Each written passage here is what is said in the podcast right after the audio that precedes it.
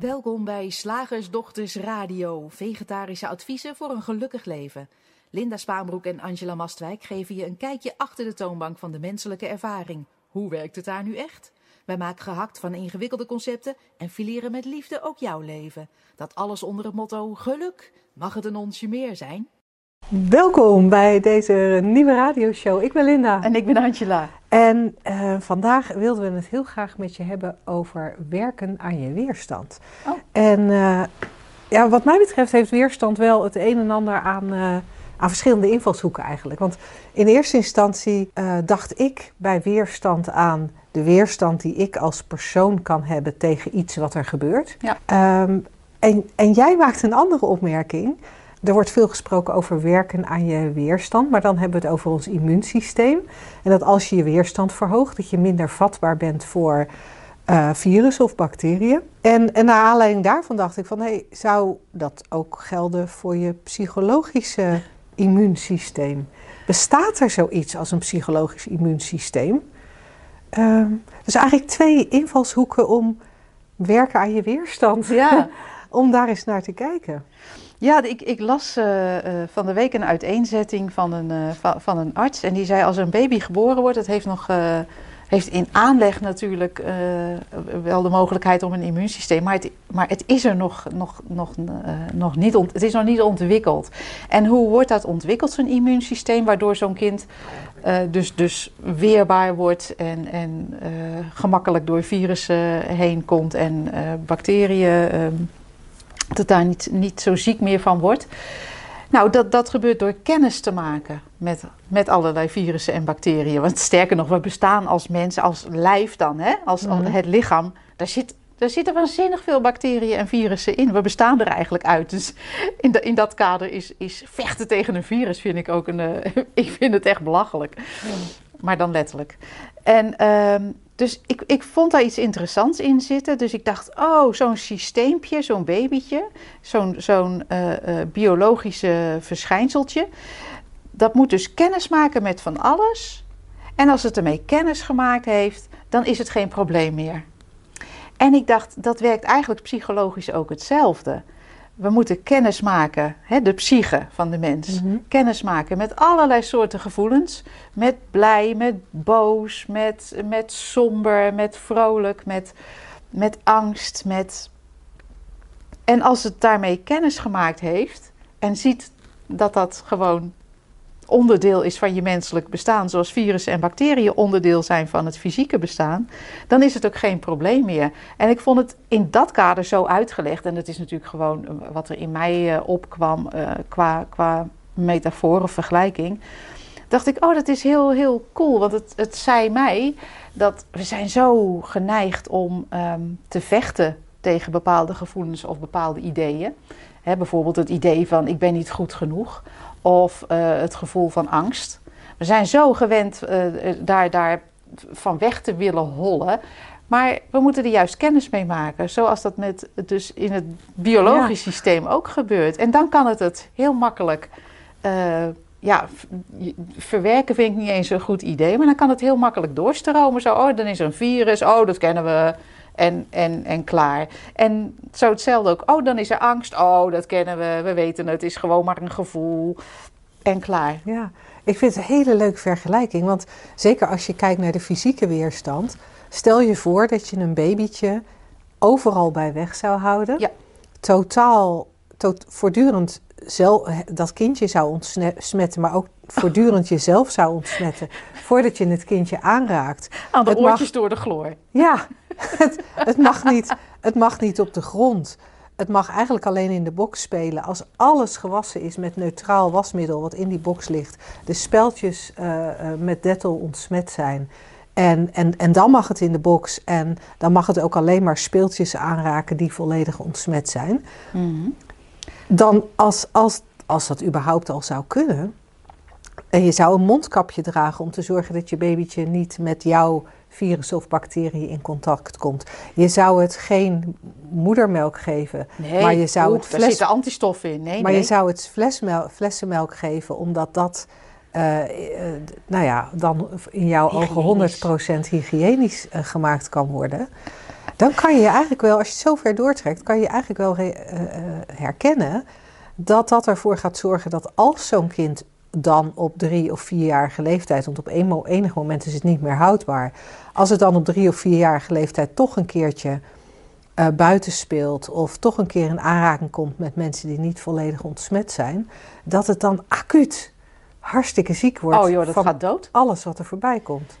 En weet je wat ik ook dacht? Dat doen we soms als ouders ook wel eens met, uh, met gevoelens. Daar wilde ik naartoe. Oh, nou, ja.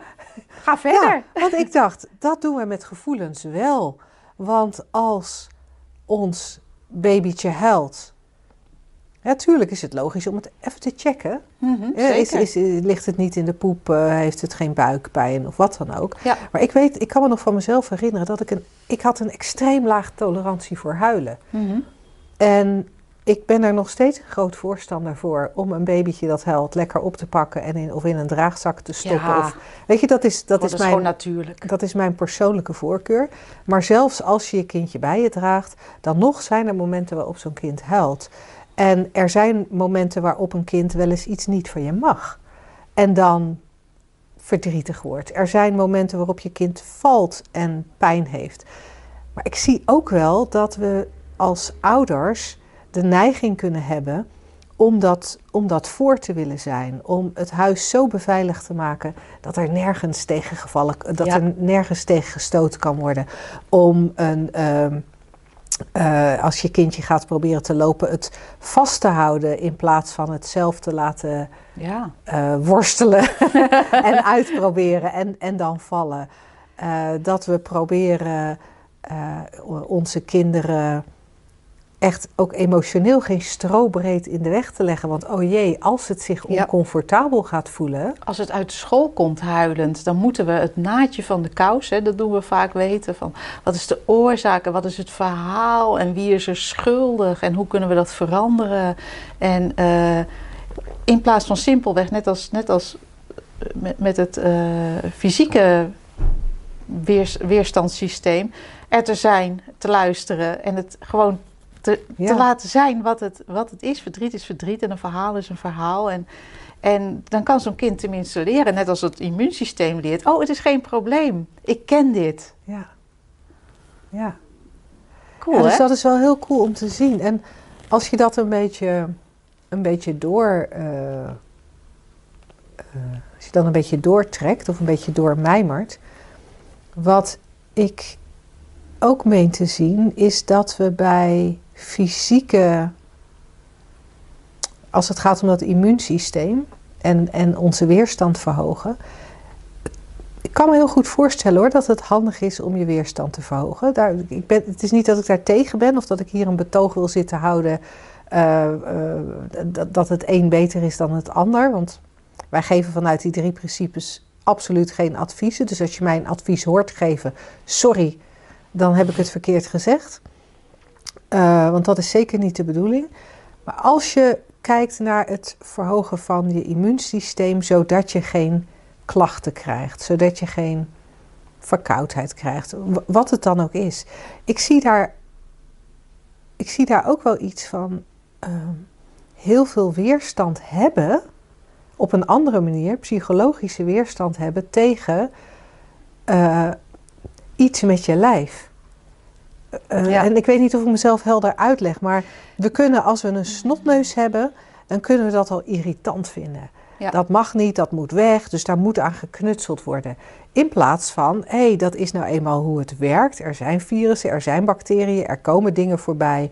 Nou ja, dat, dat, dat gaat door je lijf, dat, dat heeft zijn natuurlijke verloop. Ja, dat is een natuurlijke respons wat er dan ook gebeurt. En ik, ik, bijvoorbeeld, ik zie dat dan ook wel bij, bij mijn hond Olivier. Eh, die is ook wel eens ziek geweest. En wat je dan bij zo'n hondje ziet, is dat hij, eh, die, gaat op zijn kussen liggen. Ja.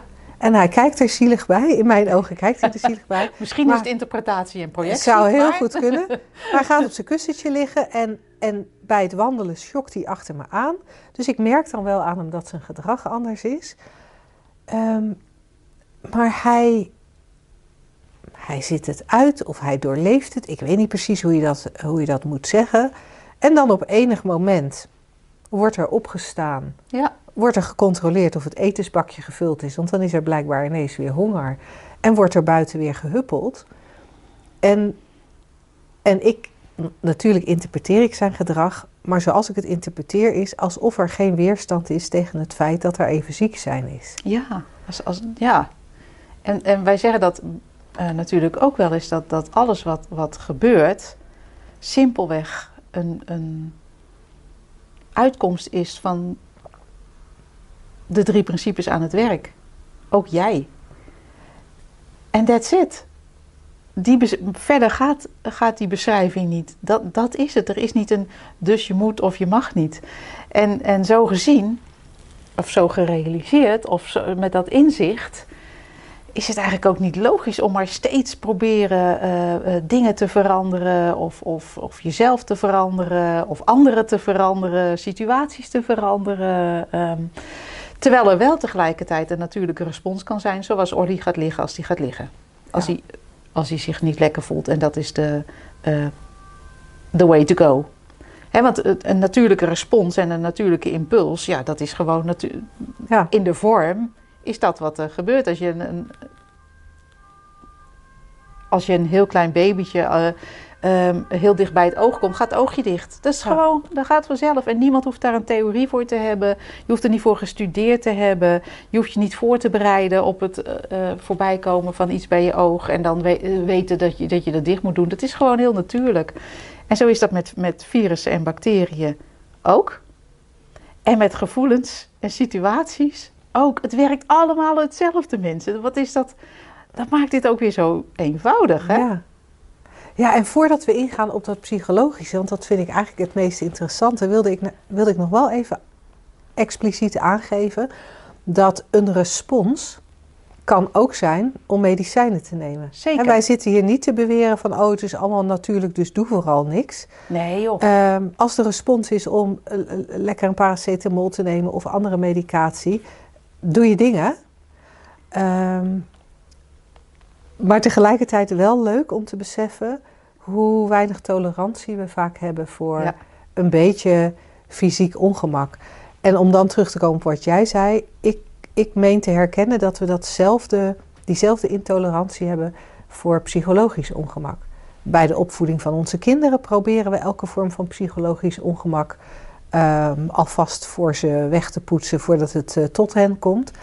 Maar ook bij onszelf, als we even, als we even uit ons hum zijn, als we, een keer, als we verdrietig zijn, of als we bozig zijn, of als we gestrest zijn.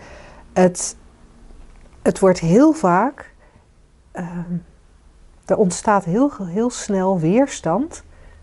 En dat is wat mij betreft de andere invalshoek. Weerstand tegen de gevoelens die er zijn. Ja. Ja, weerstand tegen de ervaring. En ik kan me zo voorstellen, iemand die, die luistert, dat die nu zegt van... Ja, Linda, leuk, maar even verdriet en even stress, ja, daar kan iedereen tegen. Maar bij mij duurt het al een jaar. Ja. En, en dan is het cool om te weten dat wat het in stand houdt, weerstand is. Ja. Zal ik, daar, zal, zal ik daar iets meer over vertellen Ja, uit mijn dat- eigen ervaring? Zou dat, lijkt, me, dat zijn? lijkt me goed. Ik heb. ehm, sommige, sommige van onze luisteraars zullen dat al wel weten. Ik heb, ik heb 25 jaar chronisch pijn gehad. En een onderdeel van die 25 jaar was heel veel vermoeidheid. Dat lijkt heel fysiek, hè? Dus misschien dat de de luisteraar nu denkt: eh, wat, een raar, eh, eh, wat een rare omweg naar, naar weerstand tegen iets psychologisch. Maar er kwam heel veel vermoeidheid bij kijken. En eh, nou ja, ik, ik had daar wel een goede verklaring voor. Die vermoeidheid kwam natuurlijk door mijn pijn. Ik had 24 uur per dag pijn, dus logisch, daar word je moe van.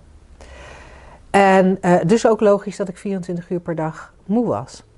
En op enig moment, en dat liep eigenlijk vooruit op het, op het, op het eh, verdwijnen van die, van die chronische pijn, die is ook op enig moment verdwenen. Maar vooruitlopend daarop herkende ik op enig moment hoe vaak ik nadacht en focus had voor hoe het met mijn lichaam ging. En eigenlijk zou je kunnen zeggen, want ik was geobsedeerd door wat ik voelde. Zowel fysiek als qua, qua energie. En daar, En dan wilde, ik, wilde ik anders. Ja. Ik wilde het vooral anders. Ja. En ik was vooral bang dat het me in de weg zou zitten. Want ja, als ik nu, als ik al zo moe wakker word, dan wordt het wel heel lastig om de dag door te komen. Kan ik mijn werk dan wel doen? Als ik mijn werk niet kan doen, wat betekent dat voor mijn toekomst? Het is ook al zo lang. Dan ging ik, ik ging Ja, het heel ja, erg in de tijd plaatsen. Het is ook al zo lang. Ik heb dit nu vijf jaar. Ik heb dit nu tien jaar. Ik heb dit nu vijftien jaar. Ik heb dit nu twintig jaar. En naarmate dat getal groter werd, eh, werd, werd mijn weerstand er tegen, eh, of mijn focus erop werd ook steeds, eh, steeds groter. En op enig moment herkende ik hoeveel focus erop lag, eh, hoezeer ik ermee bezig was. En, en toen, toen ik dat niet meer deed, toen ik eigenlijk zag hoe weinig zinvol dat was. Want ja, als die vermoeidheid er nou is, wat heeft het dan voor zin om er naar te blijven kijken? Ik herkende ook hoeveel extra denken dat eigenlijk opleverde. En, en je zou kunnen zeggen dat toen de weerstand wegviel tegen, eh, tegen hoeveel energie er was. En, en de focus ging ervan af. En hé, hey, nou ja, verrassing, verrassing. ja. Ineens kreeg ze energie. Ineens kreeg ik meer, meer energie. En ik merk dat, ehm, eh, en, en, en toen ging ik ook herkennen dat ik dat met, op meer vlakken deed. Als ik mij verdrietig voelde, dan ontstond er acuut weerstand tegen dat verdriet. En dat, die weerstand ontstond, als ik het probeer te analyseren, ontstond vanuit angst. Want ik was bang dat dat verdriet zou blijven. Ik ging het in de tijd plaatsen en ging herkennen dat ik wel vaker verdrietig was geweest. Sterker nog, er was, is een periode in mijn leven geweest dat ik gediagnosticeerd ben met een depressie. Dus ja, dit verdriet, zal dat, dat, stel dat dat weer een depressie wordt. En er kwam zoveel focus op verdrietige gevoelens, eigenlijk omdat er zo'n weerstand was tegen Ja. die verdrietige gevoelens. Die verdrietige gevoelens mochten niet, ik was er bang voor, dat ik eigenlijk alleen nog maar lette op de momenten waarop ik verdrietige gevoelens had en helemaal niet in de gaten had dat er op een dag eh, ook echt momenten waren waarop er geen verdriet was. Ja, er waren ook momenten waarop ik keihard huilde en het leven niet meer zag zitten. Maar er waren ook heel veel momenten waarop dat er, waar, waarop dat er gewoon niet was. En, en wat ik interessant vond om te herkennen, was dat, dat die weerstand tegen verdrietige gevoelens in dit voorbeeld, eigenlijk de verdrietige gevoelens in stand hield. Ja. Want er kwam meer focus op, ik ging er meer over nadenken. En hoe meer ik erover nadacht, hoe meer ellende daar eigenlijk ontstond. ja, dat is interessant. Hè? En soms maken we ook een andere beweging. Hè, dus eigenlijk wo- wordt het dan een soort self-fulfilling prophecy. En een, een, een, een, ja, of een eh, catch-22.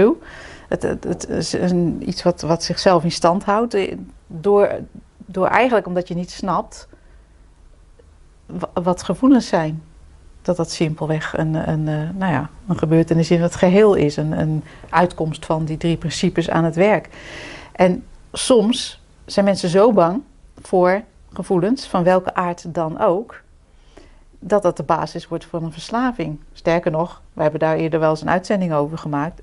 Elke verslaving heeft, dit, ehm, heeft die basis van, oh ja, ik neem even een. eh, je kan natuurlijk een pilletje nemen tegen verdriet, maar je kan ook eh, een relatie nemen als je leegte voelt. Je kan ook, nou noem maar alles op wat we doen. eh, Alcohol, drugs, alcohol, hard werken. drugs, ja, ehm, ehm, eh, materieel, spiritueel, eh, maar eindeloos blijven zoeken naar iets wat jouw verdriet of angst oplost. Maar het is allemaal diezelfde beweging. En zonder weerstand, en, en dat kan als je snapt hoe het werkt. En dat is eigenlijk heel simpel. Download gerust ons e-book Drie Principes voor Geluk van shiftacademy.nl of slagersdochters.nl. Het is eigenlijk heel simpel eh, te herkennen. Oh, oh, oh. Ja. In principe is het een voortdurende, een voortdurende doorstroom van denken in bewustzijn, zoals Ja. ze dat dan noemen. En nogmaals, daarover in dat e-book wat, eh, wat, wat meer en explicieter informatie. Het is een voortdurende doorstroom van denken en bewustzijn. En, en dat denken komt en dat bewustzijn zorgt ervoor, dat is de taak van het bewustzijn, dat er gevoel, emoties, schuren en wringen noemen wij het ook wel eens. Maar, maar de special effects worden door het bewustzijn toegevoegd aan het denken. Dus dat er gevoeld wordt, dat er ervaren wordt, helemaal logisch. Maar zodra je weet dat het een doorgaande, een doorgaande stroom is, dat denken stopt nooit, dat bewustzijn stopt nooit met het, het, het creëren van die special effects erbij. Als je dat gaat herkennen, hoef je eigenlijk niks meer te doen. want dan zou je nog geneigd kunnen zijn om iets anders te willen denken. Maar dan heb je daar die weerstand weer. Op het moment dat je weerstand hebt tegen wat er nu gevoeld of gedacht wordt, ja, ja is er, gebeurt er eigenlijk iets waardoor, waardoor er meer van dat nare in stand blijft. Ja. En als die weerstand kan wegvallen, ja, dan is het eigenlijk. Ik moet ineens denken aan de gootsteen. Weet je, als het stopje in de gootsteen zit en, en, en er stroomt water, dan, dan loopt die gootsteen vol en op enig moment loopt die zelfs over, omdat, omdat dat stopje erin zit. De, de flow wordt tegengehouden. Als wij dat psychologisch een stop erop zetten. Dit mag niet, dit mag niet, dit mag niet. Dit moet ik omvormen, omdenken, wegslikken, mm. weet ik veel. Dan stijgt het, het psychologische water en op enig moment stroomt het over. En het eruit halen van die stop, de, de, de stop uit, je, uit, uit, uit de gootsteen, ja, zorgt, er, zorgt voor die doorstroom. En zorgt ook gewoon dat alles, alles kan gewoon weg hè, door het afvoerputje. Ja, en, en dat die stop eruit halen is dus niet iets wat jij hoeft te doen. Dat is wat vanzelf gebeurt als je herkent hoe de menselijke ervaring werkt. Oh, is dat het? Is dat het hele verhaal? Ja, dat is het hele verhaal. Niks aan de hand. Dag weerstand. Ah. Tenminste, weerstand tegen de ervaring en eigenlijk meer weerstand hebben. Je psychologische immuunsysteem wordt er sterker door. Precies, want het is mooi dat je dan nog, daar nog even op terugkomt. Want dat, wat wij als psychologisch immuunsysteem uh, beschrijven, dat, dat zegt eigenlijk ook, dan komt het gewoon weer terug in, en dat is een, een, een arbitraire term, maar dan komt het gewoon weer terug in evenwicht. Eigenlijk in rust. Ja. Dat is heel gezond. Zeg, slagersdochters, hoe bak ik die vegaburger? Over naar de luisteraarsvraag. De vraag van vandaag gaat over. Uh, ja, nee, ik ga niet vertellen waar die over gaat. Ik ga hem gewoon voorlezen. De vraag van vandaag. Um, ik maak me zorgen over mijn partner. Hij slaapt niet meer en is een beetje in paniek. Gisteren vertelde hij me dat hij naar de dokter wilde om zijn paniek en uh, ja, zijn nare gevoelens met de huisarts te bespreken en om hulp te zoeken. Mijn man geeft aan dat zijn hoofd zo vol zit en er een gigapiep in zijn oren is en dat hij even niet meer helder kan denken. Ik heb hem al eens verteld welke inzichten ik heb gehad in de drie, principes, in drie principes en hoe ik daardoor ook ineens weer beter sliep en dat er dingen weggevallen zijn. Maar ik weet nu even niet wat ik moet doen. Moet ik hem naar die huisarts laten gaan? Is dat zijn proces? En, en moet ik dat gewoon maar laten gaan? Of kan ik hem helpen? Op dit soort momenten denk ik echt waarom, waarom, waarom? Ik, ben, ik heb hier zoveel van geleerd, maar ik kan het zelf niet eens overbrengen. Ehm, ik heb de neiging om me mee te laten luisteren naar uh, een online training die ik bij jullie heb uh, gevolgd. Of om daarover te laten lezen. Maar ik weet niet of dat de manier is. En bij mezelf merkte ik dat, ehm, dat ik op dat moment, toen ik in paniek was, deed wat mij het beste leek. En dan ging ik ook hulp zoeken ehm, bij de gewone psychologie. Maar op enig moment ging ik toch ook naar jullie luisteren. Moet ik hem nu ook luisteren? Het is zo lastig om het te zien in dit soort situaties. Ik wil er zo graag voor hem zijn. En ik wil hem zo graag helpen. En dan val ik denk ik terug in iets ouds. Kunnen jullie mij een duwtje in de goede richting geven? En, en toen kwam er nog een tweede mailtje achteraan het ontvouwt zich zoals het zich ontvouwt, ook bij hem. Maar ik wil zo graag iets voor hem doen. Hmm. Dat, is, dat is cool, hè? Ehm, dat we zelf kennis maken met het begrip van die drie principes, waardoor het helder wordt: oh, er is echt niks te doen. En dan is er een, uh, iemand in onze nabije omgeving waar, eh, die, die dan ook in paniek lijkt te zijn. Een kind, een partner, een moeder, eh, een goede vriendin. En dan is toch weer de vraag, en dat is inderdaad een, een soort oude gewoonte, wat moet ik doen? Terwijl we, heel, terwijl we soms voor onszelf al hebben gezien, oh, er is niks te doen.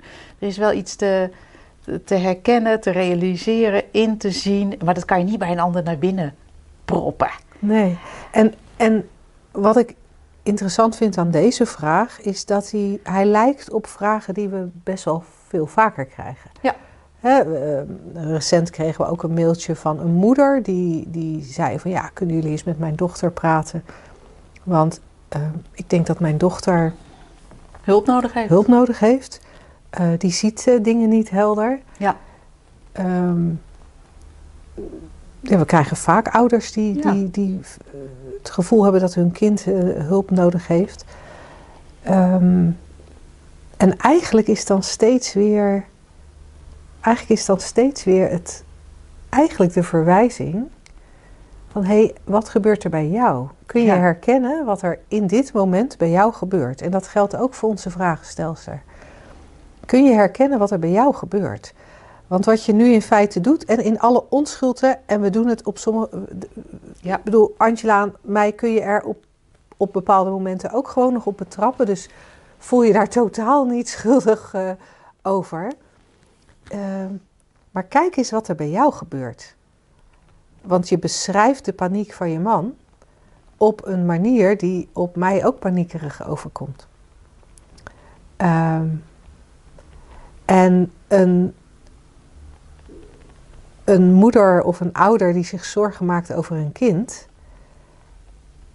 die kijkt vaak naar een kind dat, nou ja, ik, ik moet nu even een voorbeeld verzinnen, maar wat we regelmatig krijgen is dat ouders zeggen, ja, mijn, mijn kind studeert en heeft zo ontzettend veel stress. Ja.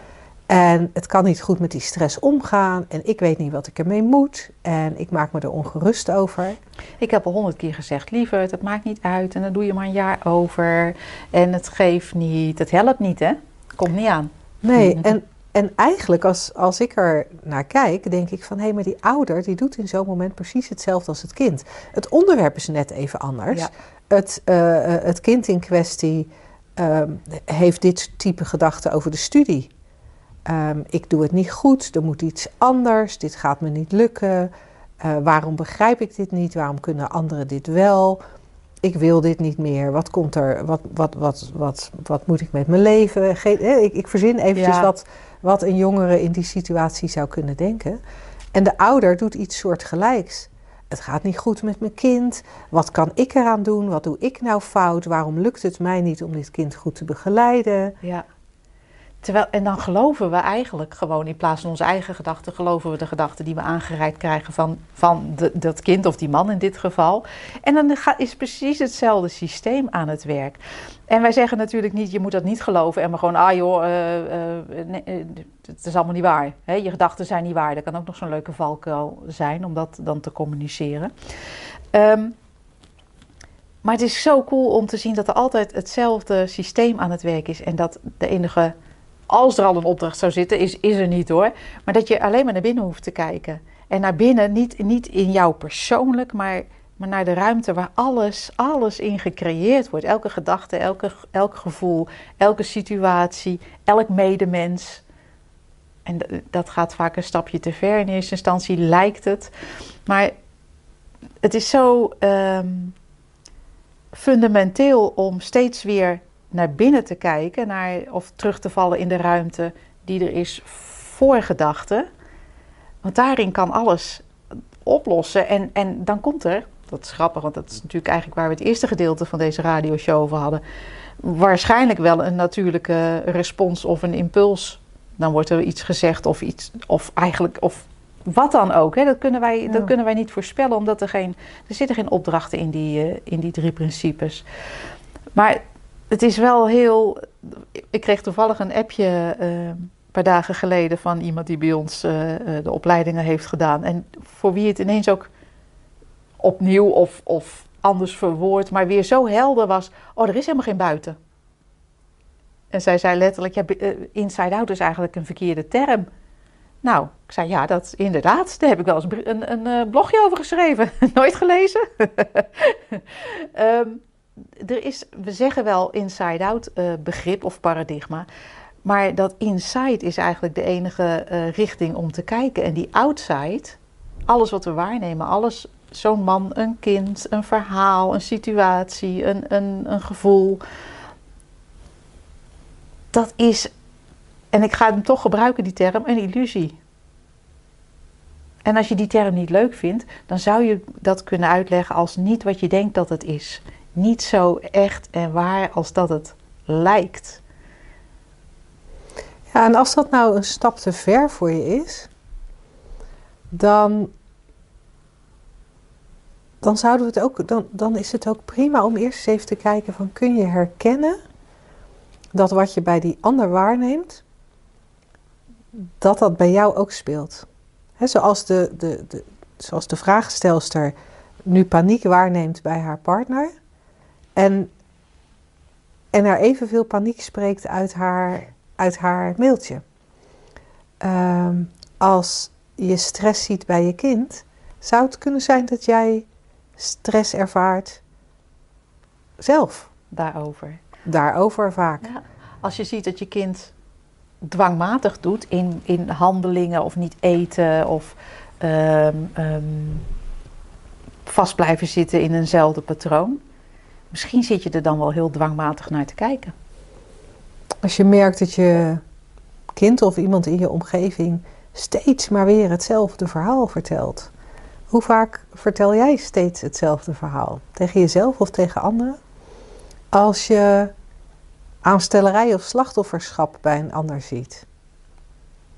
In hoeverre speelt dat bij jezelf? Ik, ik herinner me nog een blogje dat jij jaren geleden schreef, waarin je, uh, waar, waarin je aangaf van uh, schreeuw toch niet zo, schreeuwde, schreeuwde zij. Hij. Ja. Of schreeuwde hij. Ja. Uh, zeur toch niet zo, zeurde zij.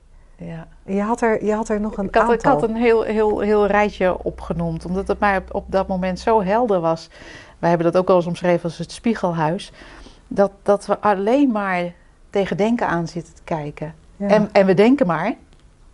We zien niet dat het denken is. Dus dan vullen we in, nee, het is die ander. Nee, het is de, het is de situatie. Het is, of het is, weet ik veel. Nee, maar het is denken. Ja. En nooit iets anders. Ja, en, en, en als je daar iets van gaat zien, hè? als je iets gaat herkennen van dat spiegelhuis. Of iets gaat herkennen van dat, dat, nou ja, dat je tegen denken aan zit te kijken. Uh, en, niet, en, en, zeker niet alleen van die ander, maar juist, juist dat denken aan jouw kant. Uh, dan kunnen er hele, hele mooie, gave verschuivingen plaatsvinden. Ja. Shifts, hè? vandaar dat ons bedrijf Shift Academy heet. En ja, dat, dat kan een heel cool begin zijn. En als je je daarnaast aangesproken voelt door die diepere laag waar Angela daarnet uh, naar verwees, uh, nou, dan wil ik je heel graag uitnodigen om eens op onze website te kijken naar de online, nee niet de online, naar de driedaagse dieper inzicht. Uh, dat kan echt een fantastisch programma zijn voor je om aan mee te doen, om, om nog meer in die rust, dat gemak te zakken dat inzicht in de drie principes met zich mee kan brengen. Hashtag zak in je gemak. Die is leuk.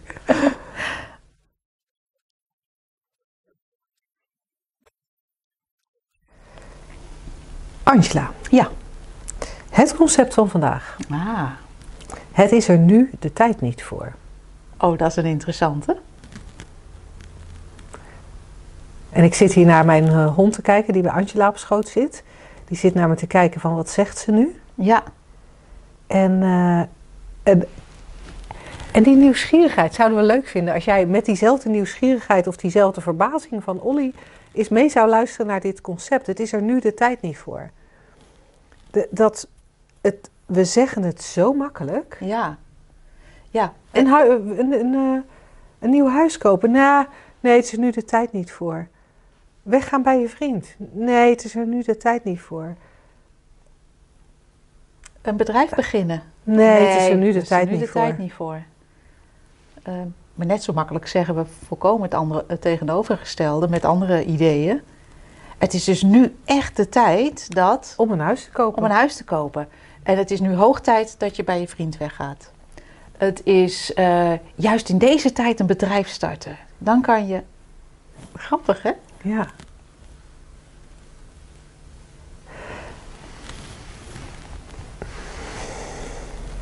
Blijkbaar hebben wij heel erg als mens de behoefte om te verklaren waarom dingen wel of niet gebeuren.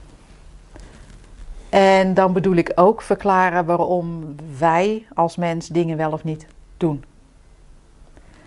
Terwijl als je, als je gewoon nieuwsgierig wordt, zoals Linda net zei, ehm, naar hoe leven vorm krijgt, naar hoe acties ontstaan, naar hoe, waar gedachten vandaan komen, naar wat gevoelens zijn.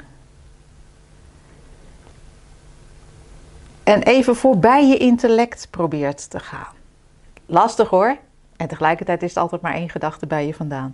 Maar voorbij dat intellect, voorbij je verklaringen, voorbij je eh, logisch lijkende eh, ehm, uitleg van het is er nu die, de tijd niet voor, want of ja, het is nu de tijd, want.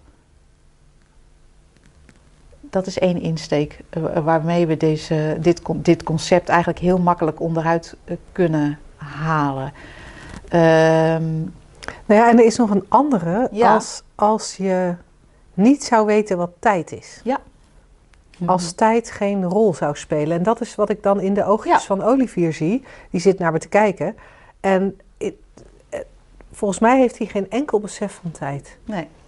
En, en wij leven, wij leven in die illusie van time, space en matter. Ja. Die door de drie principes gecreëerde, die, die gecreëerde Wereld. wereld, die, die door time, space en matter eh, bepaald lijkt te zijn. En, en daardoor kunnen wij iets in de tijd zetten. Mhm. En dat in de tijd zetten, dat lijkt wel alsof dat gelijk heel veel denken met zich meebrengt. Ja. Want, wa- want dan komen er vragen op als nu wel of nu niet. Eh, dan komen er eh, gedachten op over haast. Ja. Het, het, er komen ook gedachten over het verleden. Eh, toen er misschien dingen niet gedaan zijn waarvan je Ja. achteraf dacht: oh, had ik ze maar wel gedaan. Gemiste kansen. Had ik, had ik maar bitcoin gekocht tien jaar geleden. Ja, ja. En, en, en als dat, als dat er, als al dat denken over het verleden en, het, he- en, en de toekomst er niet zouden zijn, dan blijft er eigenlijk alleen maar dit moment over. En in dit, in dit moment wordt er gedaan wat er gedaan wordt. Ja, eigenlijk is het een eeuwig nu. Dus dan bestaat er niet zoiets als een goed moment of een slecht moment of, of wat dan ook. En ik moet ook even denken, volgens mij heb ik dat al eerder in deze radioshow genoemd, is een, eh, een, eh, een podcast die ik geluisterd had eh, via het NRC van Bernardo Kastrup. Dat is een, een, professor, Leiden of Delft, wil ik even vanaf zijn. En ehm, die kijkt naar kwantumfysica of kwantummechanica en die zei van... ja, als je, als, je, als je echt begrijpt wat dat zegt, die kwantumfysica of mechanica, dan, dan zie je gewoon, er bestaat geen tijd, ruimte en materie. Het bestaat ook gewoon echt niet. Dus als er geen tijd bestaat, is er ook geen oorzaak en gevolg. Dan is er. Huh? Wat? Zeg dat nog eens? Zeg dat nog eens? Zeg dat nog eens? Geen oorzaak en geen gevolg. Nee, want die bestaan ook bij de gratie van, van tijd.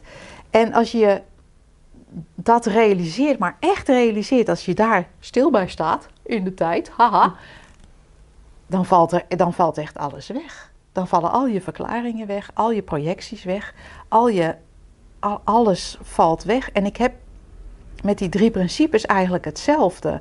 Dat is net als die kwantumfysica. Als je echt de implicaties daarvan begrijpt, dan, dan valt er zoveel weg. Wow, man, daar word je, daar word je een partij stil van.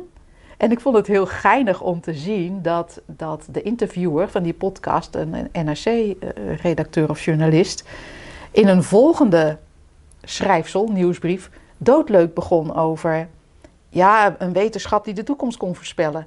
Dan dacht ik, oh, maar kijk even terug naar vorige week wat je geluisterd hebt en waar je zo van onder de indruk was. Heb je de implicaties daarvan niet gezien? Waarom wil je nog een toekomst voorspellen als dat niet bestaat? En met die drie principes werkt het volgens mij exact hetzelfde. We hoeven alleen maar steeds daarnaar te kijken, omdat het echt levensgrote, maar letterlijk implicaties heeft. Maar tegelijkertijd gaan we vrolijk we zien daar iets in, we horen daar iets in, we, we, beseffen iets. En tegelijkertijd gaan we vrolijk dan een week later zeggen van nou, ik weet het niet hoor, waar het heen moet met mijn onderneming. Ik zie nou toch cijfers en uh, economische trends en ik voorspel dat het niks meer wordt. Nee, ho, ho, ho, ho. Kijk even naar die drie principes. Kijk even wat de implicaties daarvan zijn. En val je gewoon weer stil. En dat maakt het ook zo'n eenvoudige kijkrichting eigenlijk. Maar dan moet je natuurlijk wel even zien wat echt een besef ervan krijgen. Wow, wat is dit? Ik vind het cool. Ik ook. Zou het nu de tijd zijn om gewoon deze radioshow af te sluiten? Ik denk het wel. Heel graag tot volgende week. Tot dan.